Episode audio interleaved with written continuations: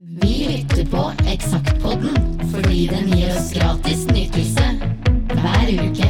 Are you telling me that you built a time machine?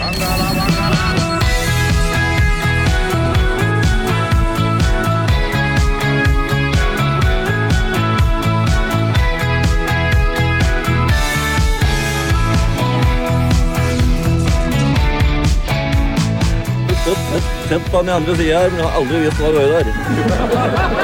Eksakt som det var. Der, der var vi jammen igjen. Ja, tenk på det. det Frode Hermanrud der borte. Ja, Kenneth Dalby har lirket seg på plass med fortsatt lånte briller. Skrudd seg med på plass med, med lånte briller. Ja. Ja da, det, det virker, og da er, det, da er vi i boks. Ja. Ja. De som du har lånt om ta, vet om det? Nei, Nei. de vet ikke det, men eh, de kan jo, øh, uansett hvem det måtte være, så kan de tenke at det, det gjorde en god gjerning, da. Ja. Å glemme at brillene sine et sted. At det er en nyttig ting. Men ingen kommer fra. Ikke sant? Vi var jo eh, ganske så eh, tett på i forrige runde. Ikke Ja. bare for at vi gjennomanalyserte eh, adhoc eh, verdikommisjonen, uten at vi kom til noen sånn særlig konklusjon hva det egentlig var for noe. Men, eh, men vi pratet også på at eh, da var vi da i brytninga da, mellom det nye år 2000, og nå er vi da i Godt i gang. mars 2000, og da Vi har jo faktisk eh, lagd en sending etter at uh, Vi prater om verdikommisjonen, ja. Stemmer det? Uh, og, og kom i gang, eller kom oss over nyttår. Stemmer. Det går så fort den tida at jeg mente at det var sist vi pratet på Men det var jo selvfølgelig i Desemberutgaven. desemberutgaven, før jul.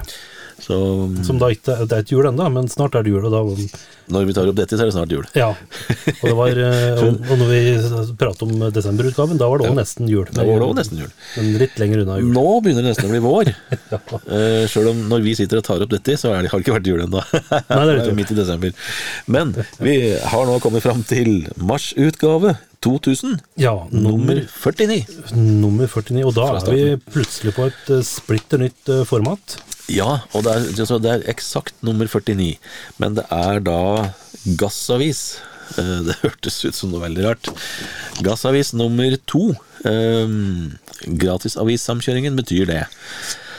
Og det var jo, som vi snakka litt om i forrige sending, da, eh, et samarbeid mellom Plan B i Trondheim, eh, Filter i Bergen og Scooter i Oslo. Og sammen med Eksakt så blei det da en gratisavissamkjøring som dekka hele Sør-Norge, og som blei ganske stor. Vi eh, klinte til med 130 000 i opplag, rett og slett bare for å sparke Dagbladet i leggen, som hadde 125 000 i opplag. Eh, Vi med Eksakt hadde jo 25 000, og hele gassamarbeidet da, hadde 130 000 eksemplarer. Og da kom vi plutselig opp på nivå med Dagbladet, VG, TV 2 og sånn, når det gjaldt intervjuer og det å få til ting og i det hele tatt i forhold til både plateselskap, filmselskap og en del andre ting. Så det var litt gøy, rett og slett. Men det var ikke sånn. Også for vår del, i, i, i lille Gjøvik, holdt jeg på å si, så, så var det ikke all verdens uh, forskjell da, på redaksjon og hverdag og sånn. Det var litt mer uh, tilskudd på både skribenter og fotografer og sånt, siden vi hadde flere aviser å samarbeide med. Men ellers så var det jo Vi dreiv vår lille uh, eksakt hverdag, for så vidt. Med mye av de samme folka og, og sånn. Um, Forskjellen var vel først og fremst at vi hadde administrasjonen og det grafiske produksjonen da, av fellesproduktet hos oss i Gjøvik. Eh, vi syns jo at når vi først hadde hatt en god idé, så måtte vi jo liksom ta litt vare på den. Og eh, så hadde vi da produksjonen, ombrekking som det kalles, av sider, eh, grafiske produksjonen, hos oss i Gjøvik, og så hadde det koste oss med det. Um, ja. Det er vel ikke så mye mer å si om det, egentlig. Eh, nei, for vi har jo nevnt på det, da, at uh, formatet er jo nå en måte litt mer hendig eh, magasinformat. Ja, og som vi jo nevnte eh, for lenge siden, når vi planla dette her, så fant vi jo ut da, at Dagbladet hadde planlagt magasinet sitt som da nytt produkt fra eh, januar av i 2000. Og at det òg skulle være liksom Norges første magasin, avismagasin. I akkurat samme formatet. Og det var litt sånn pokker òg. Men vi fortsatte jo likevel med samme planen. Ehm, og det, en annen forskjell for oss, da, som jo hadde hatt 40 og 48 sider og sånt hele tiden, det var jo at vi da, siden vi hadde masse mer eh, tilgang på folk og ting, eh, til samme prisen, på å si, så klarte vi da å lage 72 siders magasin, så det ble litt mer fart over det. Litt mer ja. snacksent og sexy og mange flere sider. Ja, mye gratis eh, lesamoro. Ja, mye gratis nytelse, som vi kalte det. Mm. Så det er jo eh, Vi lagde selvfølgelig noe skrive eh, skryteskriv og sånn, som vi sendte til alt som fantes av av konkurrenter og media og plateselskaper og filmselskaper og alt som var. Der vi skrøt fælt da, at det er med stor tilfredshet vi presenterer nye Eksakt. Nytt format, 72 sider, farger tvers igjennom, og helt ny layout. Så ja. Og så var det jo det at vi da hadde fellessider uh, midt i uh, magasinet. Og så lagde vi uh, lokale sider hver på vår kant, alle fire avisene, da, foran og bak. Og i den som vi blar i nå, marsutgaven, så var det fellessider fra side 21 til 53, og så var det lokale, da. sider foran og bak. Vi skulle jo ivareta bl.a. uteliv og sånn hver på vår kant, så vi måtte finne en måte å gjøre det på. Mm. Og vi ser jo at vi har jo beholdt uh, småplukksider. Ja. Og ikke minst preik. Jeg bare ser her på en liten sånn Preik-notis. Her står det Odd har skrevet inn, og han er oppgitt over det som har med musikkutdanning å gjøre. Og Her sier han at jeg syns det er rart at musikkutdanningen i Norge er forbeholdt gamle tiders musikk. Enten så kan man studere klassisk fra før 1900, eller så må man studere jazz. Hvorfor finner man ikke tilbud til DJ som er interessert i å fordype seg i vår tids musikk? Og dette er jo litt artig, for nå er det jo uh, Han var forut for sin tid, Odd. Odd han var veldig forut, for uh, eksempel på musikklinje på Gjøvik uh, videregående skole. Der er det jo en egen programmeringslinje, holdt jeg på å si. En, um, litt sånn ja, for å bli nye Kygo, rett og slett. Så eh, Kan du gå på skolen og lære det. Ja. Så vi hadde jo, ja, som du sier, vi beholdt jo mye av det samme. Vi skulle jo prøve å ikke fremmedgjøre leserne våre helt, så vi måtte jo ha litt små og preik og slike ting. Eh, men når vi da dro ut og ble med på moteting, så gjorde vi det jo med litt mer, litt bedre fotografer. Og når vi var på motemessa i 2000, eller for 2000, dette her var vel da Uh, neste vintermote eller noe sånt noe, sikkert. Uh, så ble det mye farger og flotte bilder. Ja. Så nå kan vi ikke ha noe, nå kan vi liksom ikke tulle med det lenger, at vi har eh, moteserie i svart-hvitt. Nei, nå er det farger alt. Nå er det farger alt sammen. Men det som vi fortsatt har, da, det er jo for å um, følge litt på preik-siden, det er at vi har jo fortsatt en del pussige innslag. Jeg ser her uh, en som har skrevet. Uh, alle vet jo hvordan det lukter nedi en pose med ostepop. Eh, det slo meg da jeg var innom en Rema-butikk og så ti meter med ostepop hvor dårlig sikre disse posene er. Hva om det på en eller annen finurlig måte skjedde at alle posene med ostepop ble åpne? Hva skulle man gjort da? Det hadde jo kanskje ikke vært så gøy for de ansatte å rydde i en butikk som luktet, ja, som ostepop. Sikre ostepopen. Dette, er, dette sitter folk og, eh, både nå og da og um, funderer på, funderer på. prøver å finne en løsning på. Ja. ja. Så uh, dette her er da før uh, før internettet. Uh, så, så, og så redaksjonen vår kommenterte at er, vi er veldig glad for engasjementet enkelte viser. Viktig å ta tak i de virkelige problemene og farene i Velstands-Norge. Stå på. Ja. Yes da. blar vi over motesidene, så finner vi ut at Christian Polshaugen han ble sendt til Lillehammer for å kikke litt på filmskolen der, og lage en sak på det. Han var vel med på eh, litt sånn eh, backstage, holdt jeg på å si, det heter ikke det, det heter bak kamera, eh, på en eller annen filminnspilling. Eh, og gjorde da en story på Norsk filmskole. Eh, ja, der ser vi jo at eh, her har han prate med eh, en fyr som, eh, som vi kjenner godt, Olemic Thommessen. Ja. Da var han daglig leder i Kulturarrangement Lillehammer AS. Eh, og han var da engasjert av Lillehammer Teaterselskap for å utrede muligheten for et profesjonelt teater på Lillehammer. Ja, og det kom jo. Ja. Så Olemic Thommessen han er vel, han er vel ute av politikken nå, med, så en pensjonist, kanskje. Han driver vel litt med kultur og sånt eh, rundt Lillehammer og Oslo Ja. fremdeles. Han var vel til og med stortingspresident, var det ikke? Så han, mm. Så han har fått til ting. Vi blar videre og finner en sak om alternative studier.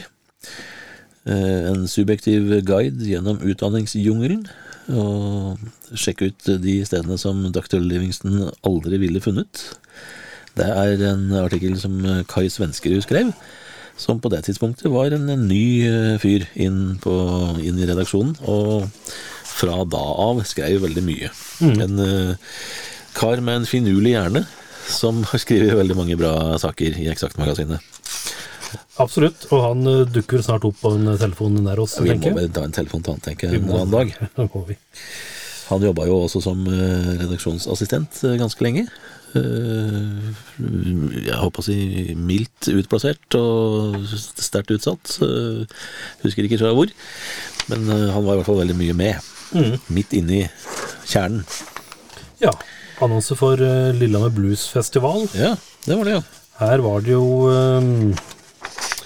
Ja, her var det jo da store navn som belgiske Seat Sniffers. og Svensk-finske Go-Getters. ja, Og David Go-Go fra Canada. amerikanske Papa Chubby. Chubby. Men så kommer jo Dr. Feelgood, da. Ja, de topper uh, uh, Ram Blues fra Norge, aldri hørt om.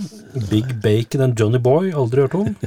Big Mo og Jolly Jumper. Det må være samme band, dette, bare med litt andre Big Mo og Jolly Jumper holder jo på ennå, så de har jo blitt en eh, norsk eh, legendarisk bluesgruppe. Og her har vi annonse ved seta fra Akersmyk. De passer på. Og Ja, det er vel faktisk eh, samarbeidspartneren sponsor til festivalen, ja, som eh, da er eh, med annonse ved siden av. så her får du annet kjøpt uh, Papa Jubbies uh, One Million Broken Guitars-plate til 149 kroner. Yes. Og så litt norsk lyd. Vi ble jo veldig tidlig veldig uenige om eh, dette her med plateanmeldelser. Fordi at alle de fire nevnte avisene hadde jo sine plateanmeldere og musikkredaksjoner osv. Og, så videre, og ingen hadde jo lyst til å gi noe særlig slipp på det. Og løsningen ble veldig enkel og greit at vi fortsetter som før. Vi har eh, plateanmeldelser eh, hver på vår kant og gjør våre prioriteringer. Det var rett og slett eh, livsfarlig farvann å gå inn i det å utfordre plateanmeldere på at eh, vi kanskje skulle ha felles anmeldersider, og at alle anmelderne da fikk skrive bare kanskje en eh, tiendedel av det de hadde gjort til da. Og at vi liksom skulle prioritere det som var viktigst. Så nei. Her ble det rett og slett hver sine plateanmeldelsessider. Og det fortsatte vi med så lenge det holdt. Ja. Det er ymse her. Jeg har skrevet om eh, M2M-skiva Shades of Purple. Ja, det var en god måned dette her, altså, for det kom jo, den kom jo, M2M. eh, Vi vet jo hva som skjedde med dem etterpå. Og Aqua sin Aquarius kom, den uh, anmeldte du til en treer. Ja, oppfølgeren, ja. Uh, ja, det var pl- plate to, det. Fra Aqua, var det? Uh, Jeg tror det, ja. Og så kom uh, Poor Rich Ones, som jo ble en litt sånn favoritt fra Bergen. Anmeldte du til en sekser, faktisk. Ja, happy, happy, happy. Ja. Hamar-band i pod. Ja. Der er vel eh, Dette var vel da med sjølveste konsertfikser eh, eh, Espen Røne på trommer. Eh, og Kari Bremnes. Kari Bremnes sin eh, Norwegian Mood-plate. Anmeldte jeg til en femmer. Fin skive, det.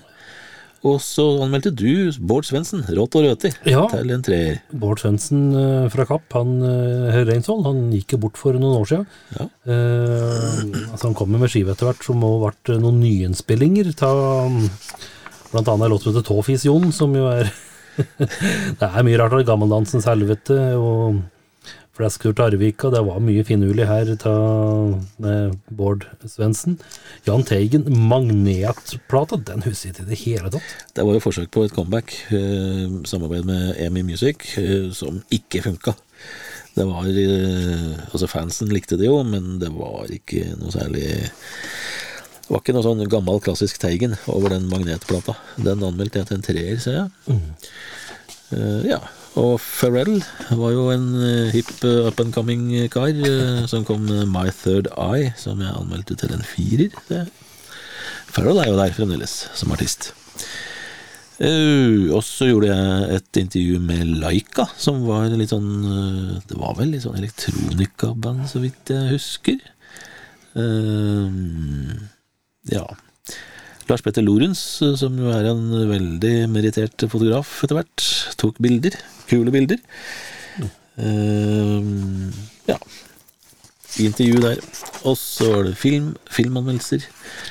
Uh, Litt av hvert uh, her, da. i mars i eh, 2000 så kom faktisk The Insider-filmen med Al Pacino, som handla om den amerikanske tobakksbransjen. Det er bra. Med utgangspunkt i det famøse intervjuet som 60 Minutes gjorde med Jeg husker ikke hva han heter, men han fyren som hadde vært ansatt der nå. Ja, i Philip Morris, ja. Uh, ja. Som uh, fortalte vel oss dette hang sammen. Da ble det baluba. ja. Og i samme måned så kom jaggu meg Al Pacino og med Any Given Sunday-filmen. Som òg er en uh, veldig bra sak, som Oliver Stone hadde laga. Og eh, Boys Don't Cry, da. Ja, ikke sant? En klassiker med Hilary Swank som eh, gutt. Absolutt. Eller trans, hvis det er lov å si det? Eller? Ja, det, Hva skal man si? Bokstavmenneske. Ja. Eh, og eh, Paul Thomas Anderson eh, lagde Magnolia med Tom Cruise eh, i hovedrollen. Som jo også fremdeles holder. Og også en dansk film som fikk mye skandinavisk oppmerksomhet. I Kina spiser de hund. Kom da. ja. Eh, og eh, ikke minst da Tim Burton sin eh, Sleepy Hollow med Johnny Depp og Christina Ricci i hovedrollene. Den røff, den. Den er en kul film. Og The Beach med Leonardo DiCaprio. Så det var en god måned på kino i mars i 2000. Ja, for dette var vel uh, DiCaprios uh, oppfølger til Titanic, vel? Ja, det var vel det. Skulle liksom eh, fullføre bølgen, holdt jeg på å si, for å bruke et Og da var det veldig lett å, ja, da var det, var det veldig lett å slakte DiCaprio, da. Som lagde en, Ja, en litt sånn eh, rar film eh, basert på boka til eh, Alex Garland. Om den der eh, bortgjemte øya. Mm. Ja, det var film, da. I mars eh, 2000.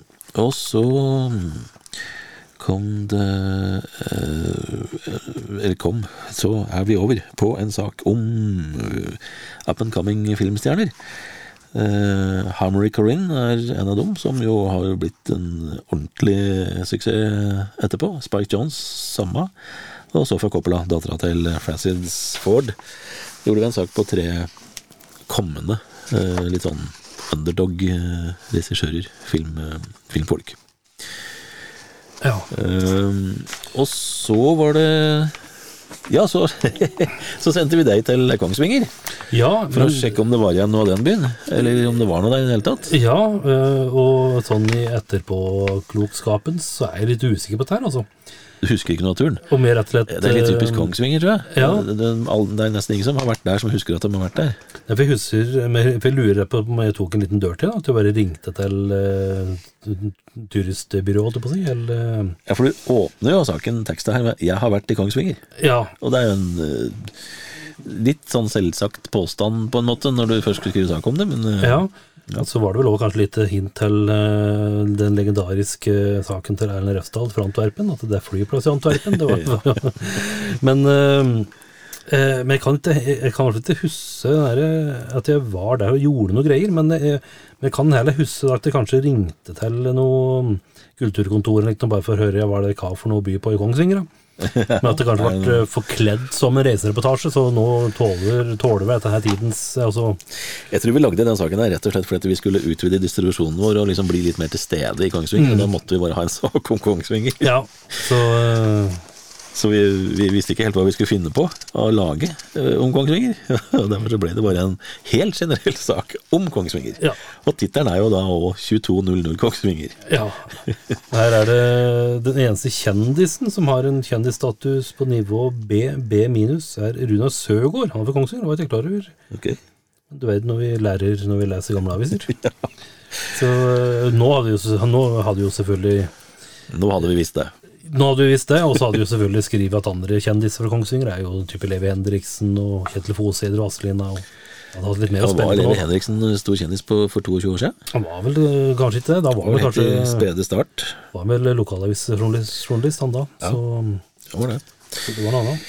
Ja, ja. Så står det klart og tydelig sånn inniblant noe annen tekst her, at nå skal vi bla over til del to. Ja, for her begynner vi da på de felles sidene som vi lagde sammen med Filter, Scooter og Plan B. Og der er det da artikler om PlayStation 2, Menn og mat, Bangkok, Tess, TV-spill og Backpackers. Um, og vi hadde vel lagd noe av det. Uh, først så er det en uh, sak om Lotte og Hanne, som er uh, to unge piker som har prøvd litt klær. Og vi prøvde jo selvfølgelig å være drithippe når vi skulle lage motreportasjer Ja. den gangen. Og det funka så der. Ganske greit. Det var vel en motreportasje som, eh, som Plan B i Trondheim lagde dette her.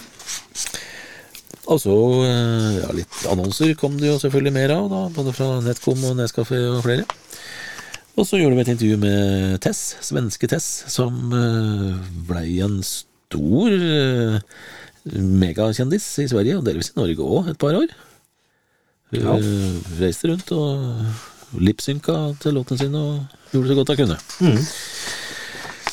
Og så var det en sak om mat og menn, da. Og det er det vår, da vår egen eh, Kaja Borg som eh, lagde en sak som rett og slett handler om at hun er en eh, typisk 90-tallskvinne med kjøkkenvegring og kokkesperre. Og da må man jo være litt smart og lage en artikkel om fenomenet menn og mat. Og hun gjorde det ganske enkelt ved at hun tok kontakt med noen som var kjente. Kjell Tore, som var mekaniker på 30, og eh, en eh, en, en, en eh, utvekslingsstudent som eh, aldri fikk vite alderen på, som het Kyo.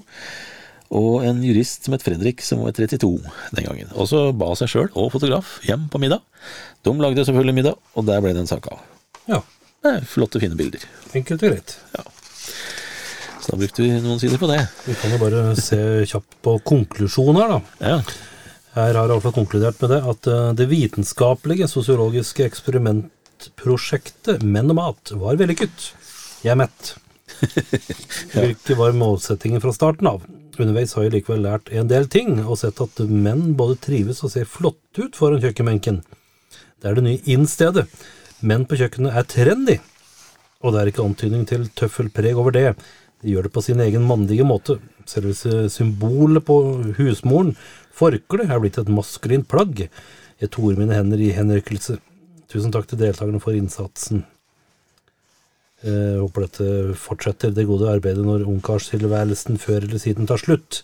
Jeg og mine kokevegrende medsøstre ser lys på fremtiden. ja. Så eh, ja, Det var vel vellykka prosjekt, dette. det måtte være da. Neste sak her er eh, vårt, eh, en av våre første forsøk på å lage litt eh, kulere, mer spennende reisereportasjer. Eh, her er det en uh, tosiders fra fra eh, Bangkok, altså? eller fra Thailand. Uh, og tittelen 'Pulling Razor Blades' det handler da om altså De skulle lage en reisereportasje som var litt mer sånn baksida av Bangkok. Og det skjer mye rart der. Og når du prøver å oppsøke, oppsøke baksida av Bangkok, da, da skal du være litt sånn hardballa, holdt jeg på å si, bokstavelig talt. Fordi at uh, de var jo blant annet i en bar der uh, Barberblad eh, var eh, eh, da det som blei brukt eh, Noen bruker pingpongballer i thaibarene i, i Bangkok. Andre bruker razor blades. Ja. Så det var en litt sånn annerledes story da, på Thailand. Eh, Uten å gå altfor mye mer inn i den. Jeg husker i hvert fall at det, han som hadde vært der, han var litt sånn mildt redd i noen situasjoner. Ja, ja. Kan tenkes. Og så er det en annen story som eh, Ja, vi må jo bare få med da at det var eh, Cato Alexander Bjørkli som hadde vært i, i Bangkok. Ja. Mens eh, Johan Harstad han reiste til Paris og lagde en eh, story på det. Begge sakene her sånn er egentlig uten For vi tenkte vi skulle ikke lage saker med den som har reist, som står og smiler foran eh, Eiffeltårnet, liksom. Det blir for dumt. Så vi allierte oss eh, med et eh, illustrasjonsstudio, kunstneriske eh, mennesker, som lagde litt annerledes illustrasjoner, da, som et moped i Trondheim. Så ble det litt kule reisereportasjer ut av det. Og så øh, har vi en sak om eh, drinker. Eh, Ja, voldsomt, eh, voldsomt mye om eh, drinker nå. Det var viktig å få med mye, og dette her var jo da Scooter-avisa i Oslo som lagde den her. Og eh, der var det folk som skrev mye. Måtte ha med alt. Litt sånn som vi var i starten, egentlig. Ja. Så vi skrev dobbelt så mye som vi burde om eh, alt. Eh, Det var eh, Roar Hildonen på Kontoret bar og spiseri, som vel nesten var eh, akkurat det. Kontor nummer to for gjengen i Plan B i Trondheim. Lars Martin Kræmer og Yui Din, som var de to gutta oppi der. Her. Se, se her blant annet, de går gjennom åssen ting skal være. Her er vel eh, blant annet i in, en ingrediens som oliven. Her står det fyldig om at um, det er hevet over enhver tvil at en klassisk dry martini skal serveres med en grønn oliven, gjerne små spanske eller italienske serignola. Mange foretrekker calamata, eh, fra Hellas, men uten stein og fylling. Pass på å skylle oliven, slik at ikke saltlaken setter smak i cocktailen. Det finnes ellers en mengde varianter olivenfyll, f.eks. ansjos, hvitløk, spekeskinke, paprika, chili, eller sorte oliven, for å nevne noe som kan brukes som en variasjon. Bruk uansett en cocktailpinne av tre. Dette her er feinschmeckeri. det er, tross alt en eh, ordentlig cocktailbar som har laga dette, så det var ikke noe tull.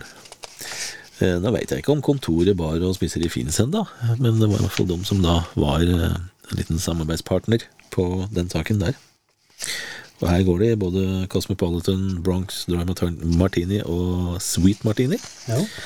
De må jo krydre eh, historia her med eh, noen sånne artige, artige barhistorier. Eh, her står det at det finnes uendelig mange historier om personer som ønsker sin dry martini ekstra tørr, og her er noen varianter. Uh, står det blant annet Bruk en rengjort blomstersprøyte. Lag drinken ferdig kun med gin, og spray drinken med vermu vermut. Den legger seg inn som et fint støvlag på toppen. Ja. Ja. Skjønte jeg ikke, men uh, sikkert artig. Det er jo for at ikke du er noe sånn spesielt drinkedranker, Det er lite til deg. um, og det er lov. Det må være lov. Må ikke være, Dranker. være dranker. uh, og så gjorde vi en sak på ut fra at The Beach-filmen, som vi nevnte i stad, uh, kom på kino. Så lagde vi en sak da på å dra liksom den Altså, greia der er vel å da finne sitt eget paradis, liksom. Være i fred og sånn.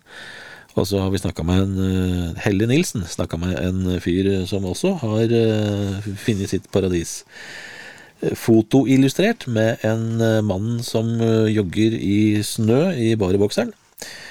Eh, så vi Det var vel en franskmann som het Cholem, eh, som vel bodde i Oslo. Som levde ganske spesielt. Han kalte seg sjøl en traveler. Ja. Han reiste rundt i verden og fant spesielle steder og spesielle mennesker. Var sikkert like spesielt menneske sjøl. Uh, Ja, etter, etter Sjålem så blir det Da blir det spesielt. Ja. Uh, så han, uh, han ser på seg sjøl som en miks av mange nasjonaliteter.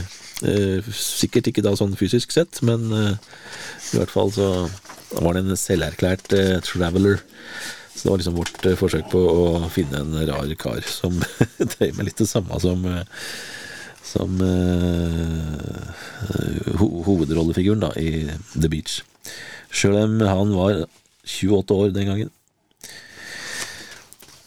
Så det, jeg, jeg lurer på hvor mange som leste den saken der. Det, Ja, det er mye, mye å lese. det er mye å lese, og, og en et spesielt, uh, spesiell vinkling. Og så hadde vi en annonse her da, fra Dark Dog. Uh, jeg vet ikke om det fins lenger. Det er sånn uh, rusbrus-greier. Energy drink. Ingen aning. Og vi har en story på, som Jon Arnesen skrev, på uh, PlayStation 2. Som jo var helt ny da, i mars i 2000. Ja, dette var jo en sånn uh, alt i alt i alt-maskin, da. Ja. Det var vel den første som tok både CD og etter hvert Blu-ray, og du kunne dytte alt inn i den og DVD alt mulig, ja. kjøre det på TV. Mm. Skal vi si, hva er dette for noe? Her er det Frode Singsås og Tommy Mangerud som har laga en sak om Det står Boing Boom Chuck. Ja, Det er jo da en, eh, et sitat fra Kraftverk. eh, En av Kraftverk sine klassikere. Men hva handler det om? Er det en Quake, Det er nok mer eh, spill, tror jeg. Quake 3? Ja, ikke sant? PC-spill. Det er rett og slett en sak om PC-spill. Ja. Da har vi funnet ut det. Så er det jo nydelig annonse her da, for omtalte omtalt eh, The Insider-filmen. Ja. Det å starte denne eh, samkjøringssamarbeidet, det gjorde jo at eh, filmbyråene plutselig begynte å bruke penger på å annonsere hos oss, så det var jo hyggelig. Mm.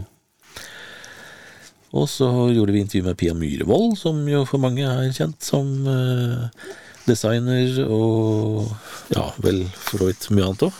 Både eh, eh, journalist og grafiker og mye rart. Eh, moteskaper i cyberspace var tittelen her, og var vel en greie på at hun begynte å å, å, å bruke internettet og data på å lage kunst.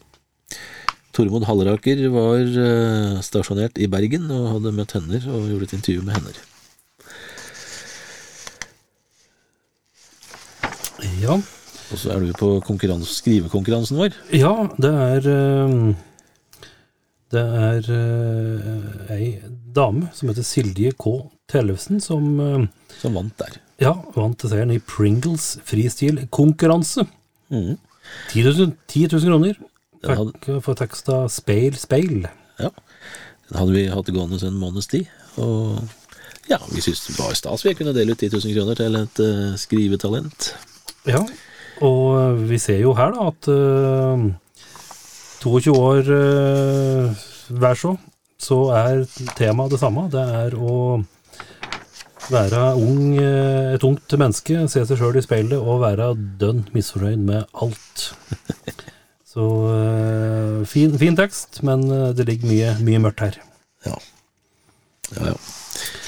Og så hadde du lagd en liten eh, hyllest, eh, gratulasjon, til Kjell Aukrust, en liten sak her. Ja, for da 19. mars eh, i 2000, da fylte han 80 år. Ja. Eh, så da var det jo på sin plass da å bruke en liten flik til å eh, hylle sjølveste Kjell Aukrust. Selvfølgelig. Skulle det bare være det. Jepp.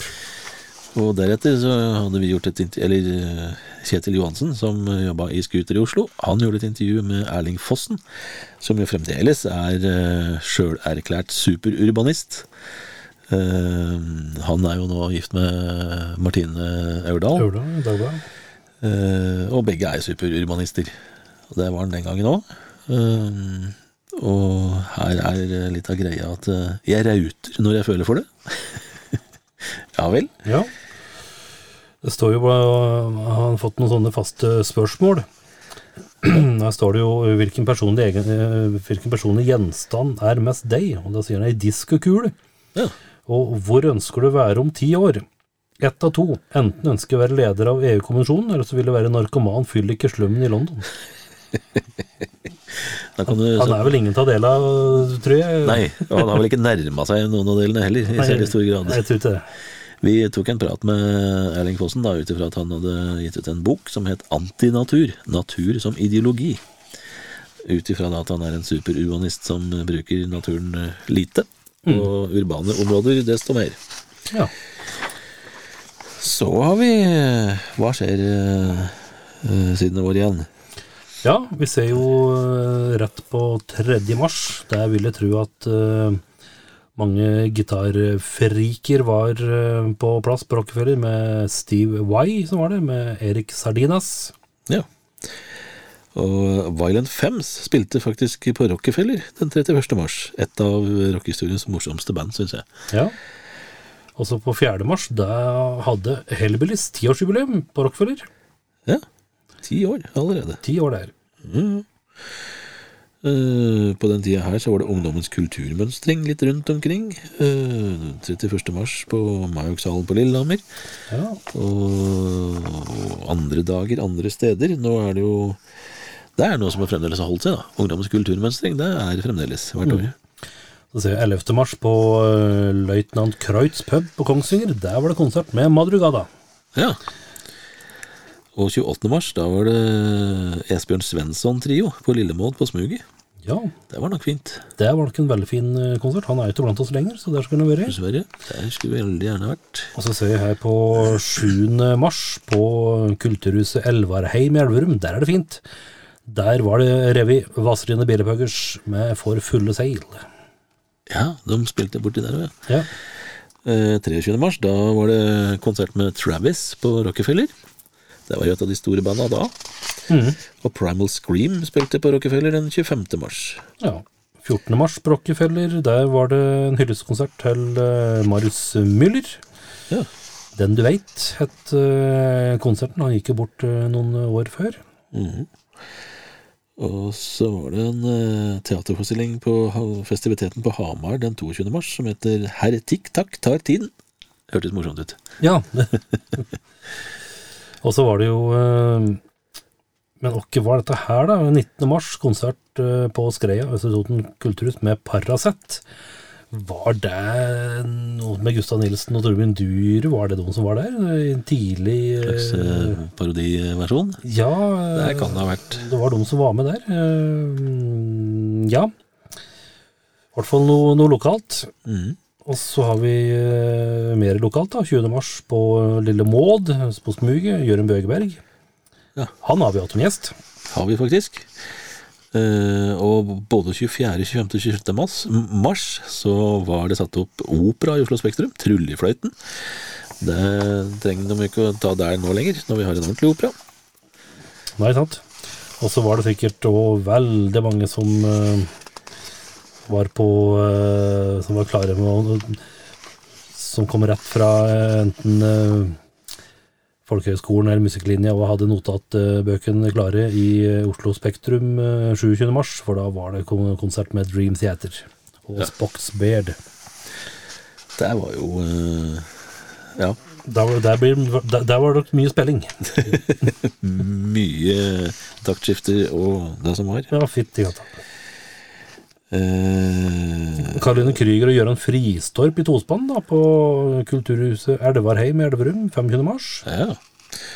Jeg bare stoppa her ved det var et band, eller hva det var for noe, som het Rolls Voice. Ja, som spilte på John D 31. mars. Artig bandnavn. ja. På Smuget så var det konsert med Anne Lene Ekstrøm. Aldri hørt om. Nei, men det var sikkert koselig. Det var det nok. Så er vi på mer lyd, da. Utenlandsk lyd. Uh, og i, på vårparten i mars da, i 2000 så kom det mye fint. Uh, det var en uh, veldig sjølironisk tittel fra Warren Seven der, som jo døde av kreft, som het 'Life Will Kill You'. Ja, den ga det slo til, det. Jeg gjorde jo det. Treer til den. Jeg var ikke noe sånn særlig imponert over den, tydeligvis. Nei, stilig den var det mer eh, fan av. Family til eh, Two Against Nature. Absolutt fin skive. Og Blood Flowers to the Cure ga en femmer. Veldig fin plate. De har jo holdt på, eller holder på, enda. Så var jeg fornøyd med Angie Stone, eh, Black Diamond-skiva. Ja, Husker den ikke nå, men eh, den var sikkert fin. Hun eh, henger jo fremdeles med som en eh, soul, eh, bra profilert soulartist. Ja. Så er det jo uh, Flesk-kvartetten, eller Flesh Quartet, som nå kalte seg litt inniblant, da. Ja. Med ei uh, skive. Og en firer. Og så kom Johnny Mitchell eh, med den Both Sides Now-plata si. Den ga jeg en firer. Det ville kanskje gitt en femmer nå, for det er en veldig fin plate. Uh, Smashing Pumpkins ga jeg en firer òg, for Machina-albumet. Og Tracy Chapman Telling Stories-plata, ikke så bra som det jeg ga ut før den. Uh, Ga jeg en firer.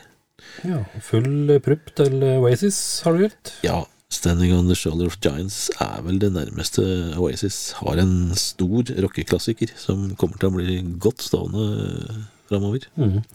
Og så kom jo uh, Tommy Lee da, fra Motley Crew. Han kom jo da med skiva med Methods of Mayhem, som var litt sånn der sideprosjekt hvor han drev og rappe litt og var litt uh, cool keys, skulle være. Det var vel sånn så som så.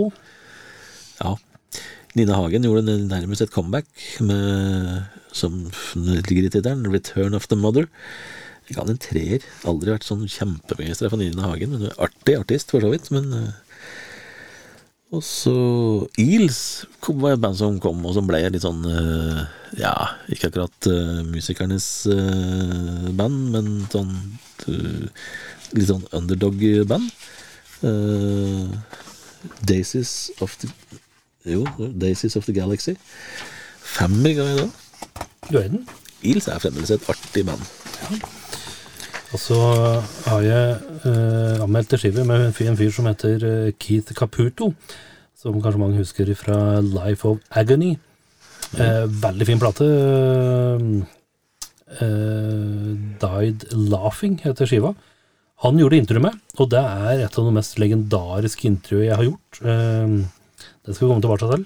Ja. Han var, eh, han var spesiell.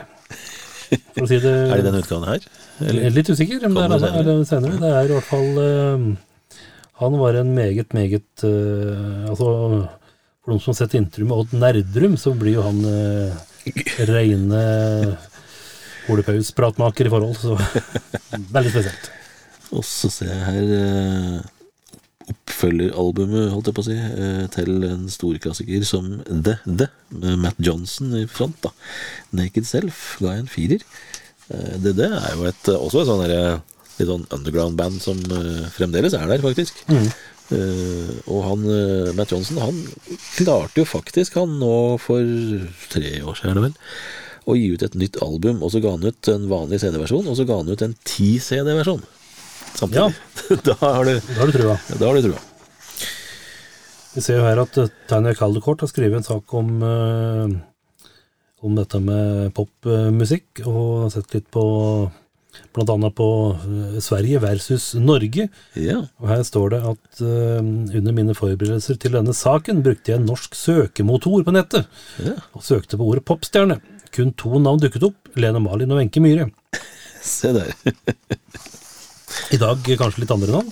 I- Vil jeg jo tro. I illustrasjonen til saken så har vi jo brukt bilder av både Scheer og Morten Harke, Morten Harket. Og Willy Nelson, Tina Turner og flere, så ja. Eh, og den lille kommentaren på saken her er jo at eh, popstjerner gjennom sang og dans skal de kunne demoralisere flest mulig hvitkledde hubba-hubba-smakende jomfruer. Ja, det ja. gjorde meg ikke noe særlig klokere på saken, men eh, dog. Nei. Så er vi over på tung lyd, som du da Ja, har uh, her er det mye, mye artige plater, blant annet en veldig tøff eh, Dio-plate som heter Magica. Uh, som ga en firer. Danger Danger, amerikansk uh, mjuke-heavy band som var veldig, veldig bra. Det var en femmer. Uh, litt mer dystert med engelske Crowbar, ga en firer. Camelot, The Fourth Legacy, det er jo andre skiva, da, der Roy Khan fra Conception var vokalist. Han er det òg intervju med her. Og så er det jo da finske Stratovarius med en veldig bra plate, som heter Inf Infinite. Og så norsk prog i Spiral Architect, og, øh, og ikke minst øh, finsk black metal i Impaled Nazarene. Det er blodige saker.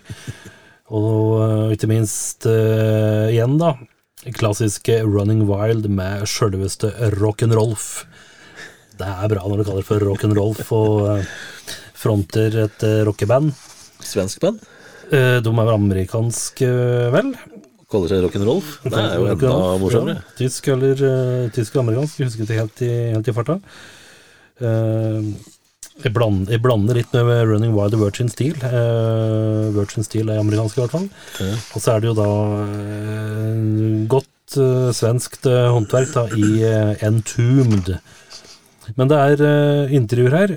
Eh, Ser vi så vidt. Det er i hvert fall uh, intervju med Roy Khan i forbindelse med Camelot. Svart Også- tekst på mørk rød bunn, Ja. så det er for dumme briller og godt syn. Det funker kjempefint. uh, Litt bedre blir det her da når eh, det er intervju med en fyr som heter Asker Mikkelsson, som er eh, trommis i eh, prog-bandet Spiral Architect. Der er det da hvit tekst på svart bunn, uten at det flyter over. Ja, det er litt eh, clouet, da. Så det var nesten godt gjort. Eh, ja, her er jo en uh, måneds befaling, selvfølgelig. Ja, dette Ja, det er jo en fotballspiller som eh, Jeg må innrømme å si at jeg har glemt litt. Beklager, Caleb Francis. Han spilte vel, var det på HamKam? Kongsvinger, vel? Kongsvinger, ja. Uh, vi prøvde vel å liksom ringe litt forskjellige folk i forskjellige Ikke bare artister og sånt. Så han var vel litt sånn profilert, på en måte. Den, men igjen, da. Et forsøk på liksom å tekkes Kongsvinger, stakkar. Som ligger litt sånn i utkanten av Innlandet. Mm. Så tenkte vi at da måtte vi finne en uh, kjendis fra Kongsvinger, da. Som du jo ikke fant i den saken du skrev om Kongsvinger. Så Du kunne, du kunne tatt Runar, Runar Sørgaard, da. Du kunne tatt han. Jeg husker ikke hvem, men det var nok en i redaksjonen som foreslo at ja, men Kalle Francis spiller vel på uh, Der, tror jeg det var. Ja. Så han ringte vi da, og fikk han til å gi oss en befaling. Han var da på det tidspunktet 32 år. Student og fotballspiller, står det. Uh, og har jobba mye i utelivsbransjen på Kongsvinger. Og er fotballkommentator på Eurosport. Var i hvert fall. Uh, og spilte fotball for Kongsvinger, og så tre, tre sesonger for Bryne, før han nå er tilbake hos Kongsvinger. Og hans befaling det var rett og slett å skrive en artikkel om blandingsekteskap. Han er vel i hvert fall halvt, om ikke helt, afrikansk sjøl.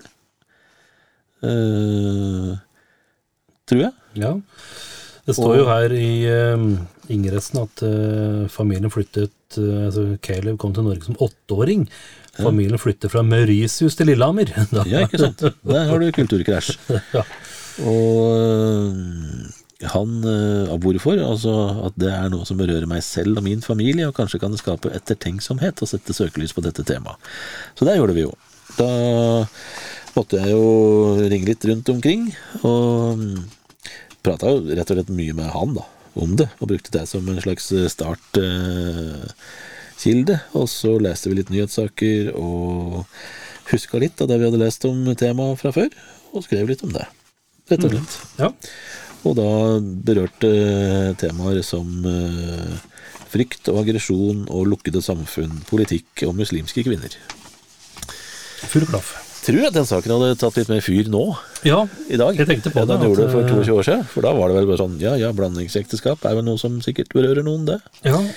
Krysser tar litt flere bokser i dag, eh, får en, si, ja. Det kunne kanskje vært morsommere gjort den saken i dag. Med alle de reaksjonene og meningene vi sikkert hadde fått da. Mm. I kommentarfeltet på Facebook-sida vi sikkert ikke hadde hatt etter hvert. Med mye rare tilbakemeldinger. Ja. Eh, og så ser jeg at jeg har gjort en sak her på eh, Toril Kove fra Hamar, som eh, sto bak en eh, animasjonsfilm som het Min bestemor strøk kongens skjorter. ja, det Og ser jeg. hun ble eh, Oscar-nominert da, for den. Hun vant vel ikke, eller gjorde hun det? Jo, det tror jeg faktisk jeg gjorde. Mm, ja, kanskje. Tror faktisk hun vant Oscar for den. Studio Magica het eh, jo eh, For det var ei fra Hadeland, eller Harestue, som vant en Oscar, eh, men det var litt senere. Ja, det var litt senere. Eh, og det er et par stykker etter hvert som har fra regionen vår som Ja. har vunnet animasjons-Oscar. Så er vi over på uteliv. Um, Ja, vi har jo lokale sider her, for jeg sitter Ja. her med en internasjonal utgave. Du har en internasjonal. Så, du, har, du sitter på uh, herlige annonser fra, fra Felix og Yes, fordi at eh, i, i, i- mars i 2000 da, så hadde Felix på Lillehammer besøk av Buzzcocks eh, 4. mars. Og Hoolies 18. mars. Og Flaming Sideburns og Mormons eh, 31. mars. Det er jo artige navn. Alle Ja, Buzzcocks er jo eh, legendenes legender. Ja, og Flaming Sideburns har vel òg etter hvert blitt det. Var eh, legendarisk for sine sceneopptredener. Bandnavn, i hvert fall. Ja, eh, hadde legendariske sceneopptredener opptredener den gangen. Og har, eh, huskes vel fremdeles for mange av dem, tror jeg. Brennende kinnskjegg, det er fint. Nå, På det tidspunktet her så var det jo Tanja Kaldekort som var utelivsansvarlig eh, hos oss. Og hun eh, hadde da rett og slett månedens substituttanbefaling til alle dere jenter der ute. Lei en pornofilm. Hvis du nyter det, vil det ikke nødvendigvis si at det er noe galt med deg. Det behøver heller ikke å bety at du er en dårlig kvinne. Det hadde Tanja behov for å si da. Det kunne du prøvd å si i dag. Eh, ja. Hadde det igjen blitt noen kommentarfelt som eh, hadde fyltes opp ganske fort, tror jeg. Absolutt. Eh, og så ja, Hamar under lupen. Eh, vi satt liksom ett og ett sted da under lupen. Eh, og her var det eh, traktøren som hadde trivelig tirsdag med 20 kroner for 04. Det var saker. Eh, og Dirty Nelly er, antageligvis distriktets eneste utested som serverer kaffedoktor. Hva den inneholder, er opp til dere å finne ut. Ja. Det er vel rett og slett eh, kaffe og sprit. Ja. Eh, Og så hadde du en sak her eh, om Gotham Nights i Oslo. Igjen da svart skrift på rød bunn, så det er ikke lett å se hva dette Men Gotham Nights husker jeg jo var litt sånn metall... Folkets eh, klubbkvelder. ja. Litt sånn vampyrinspirert, holdt jeg på å si. Ja. Og så vi, fant vi ut da at uh, de stedene som hadde Guinness på fat på Innlandet, det var Ane Etasje på Elverum, Alexis på Elverum, Svara Berg på Lillehammer og Dirtinelli på Hamar. Ja. Så det var uh, av en eller annen grunn viktig å finne ut hvem som hadde Guinness på fat. det var vel kanskje litt uh, nytt, da, kanskje? Jeg vet ikke. I hvert fall å få det på fat på Innlandet, kanskje, var uh, for dem som liker sånt. For dem som liker brun graut på fat. Ja. Eh, Nei eh, Ja. Og så har vi spill. Vi drev med sånt. Eh, der kom det da Toy Story 2-spill. Spill. Og Dune var vel òg et spill som fikk litt oppmerksomhet, for det husker jeg navnet på. ja. Det noe Hysjesjanelsen. krigsspill, ikke du? Dune? Ja, det er en slags sånn fantasy-krigsspill. Så siden enten du eller jeg husker navnet på det, så var det nok stort. Da, ellers så hadde vi ikke huska det. Uh, Hysjisjannonsen, der er, eh, er, er, er eh, Oasis, M2M, Aqua, Jahn Teigen, Nat King Cole med den derre slags Ja, Ja, hva er for noe? Oppåsynginga til dattera si. Ja. Samleplategreie. Duett- Duettskive. ja. Og Tampochek og Serena Albrigtsen er liksom de hotte skivene her. Ja, Er det Helmut Lott vi ser bortpå her? Hva- Helmut Lotti, Rose Classic. Yes. Han var jo eh, jevn på eh, jeg håper å si til TV-shop, men på TV-reklamer eh. Så eh, han, eh, han solgte nok også mye plater i Norge. Ja. Og så står det her The Wall Alive, Pink Floyd, 27. mars 2000. Hva det var? Det var vel kanskje Var det noen reutgivelser det var, fra eh, jubileumsversjonen, da, kanskje fra 80? Jeg lurer på om det var en, øh, den første utgivelsen av The Wall Alive, ja, som aldri var gitt ut før. Uh, ja, da, ja, det stemmer jo. For det er liksom er en slags uh, avstøpning av ansiktet til alle fire. Og det var vel meninga at det skulle være litt kryptisk, den beskjeden der. Ja, stemmer det. Stemmer.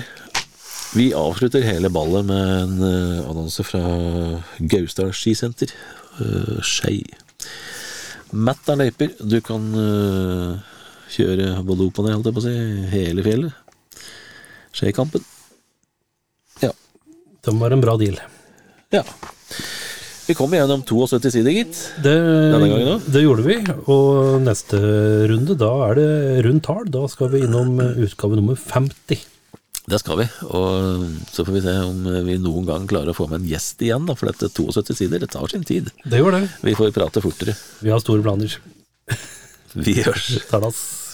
Vi lytter på Eksaktpodden fordi den gir oss gratis nytelse hver uke. Hver uke. Are you telling me you built a time machine?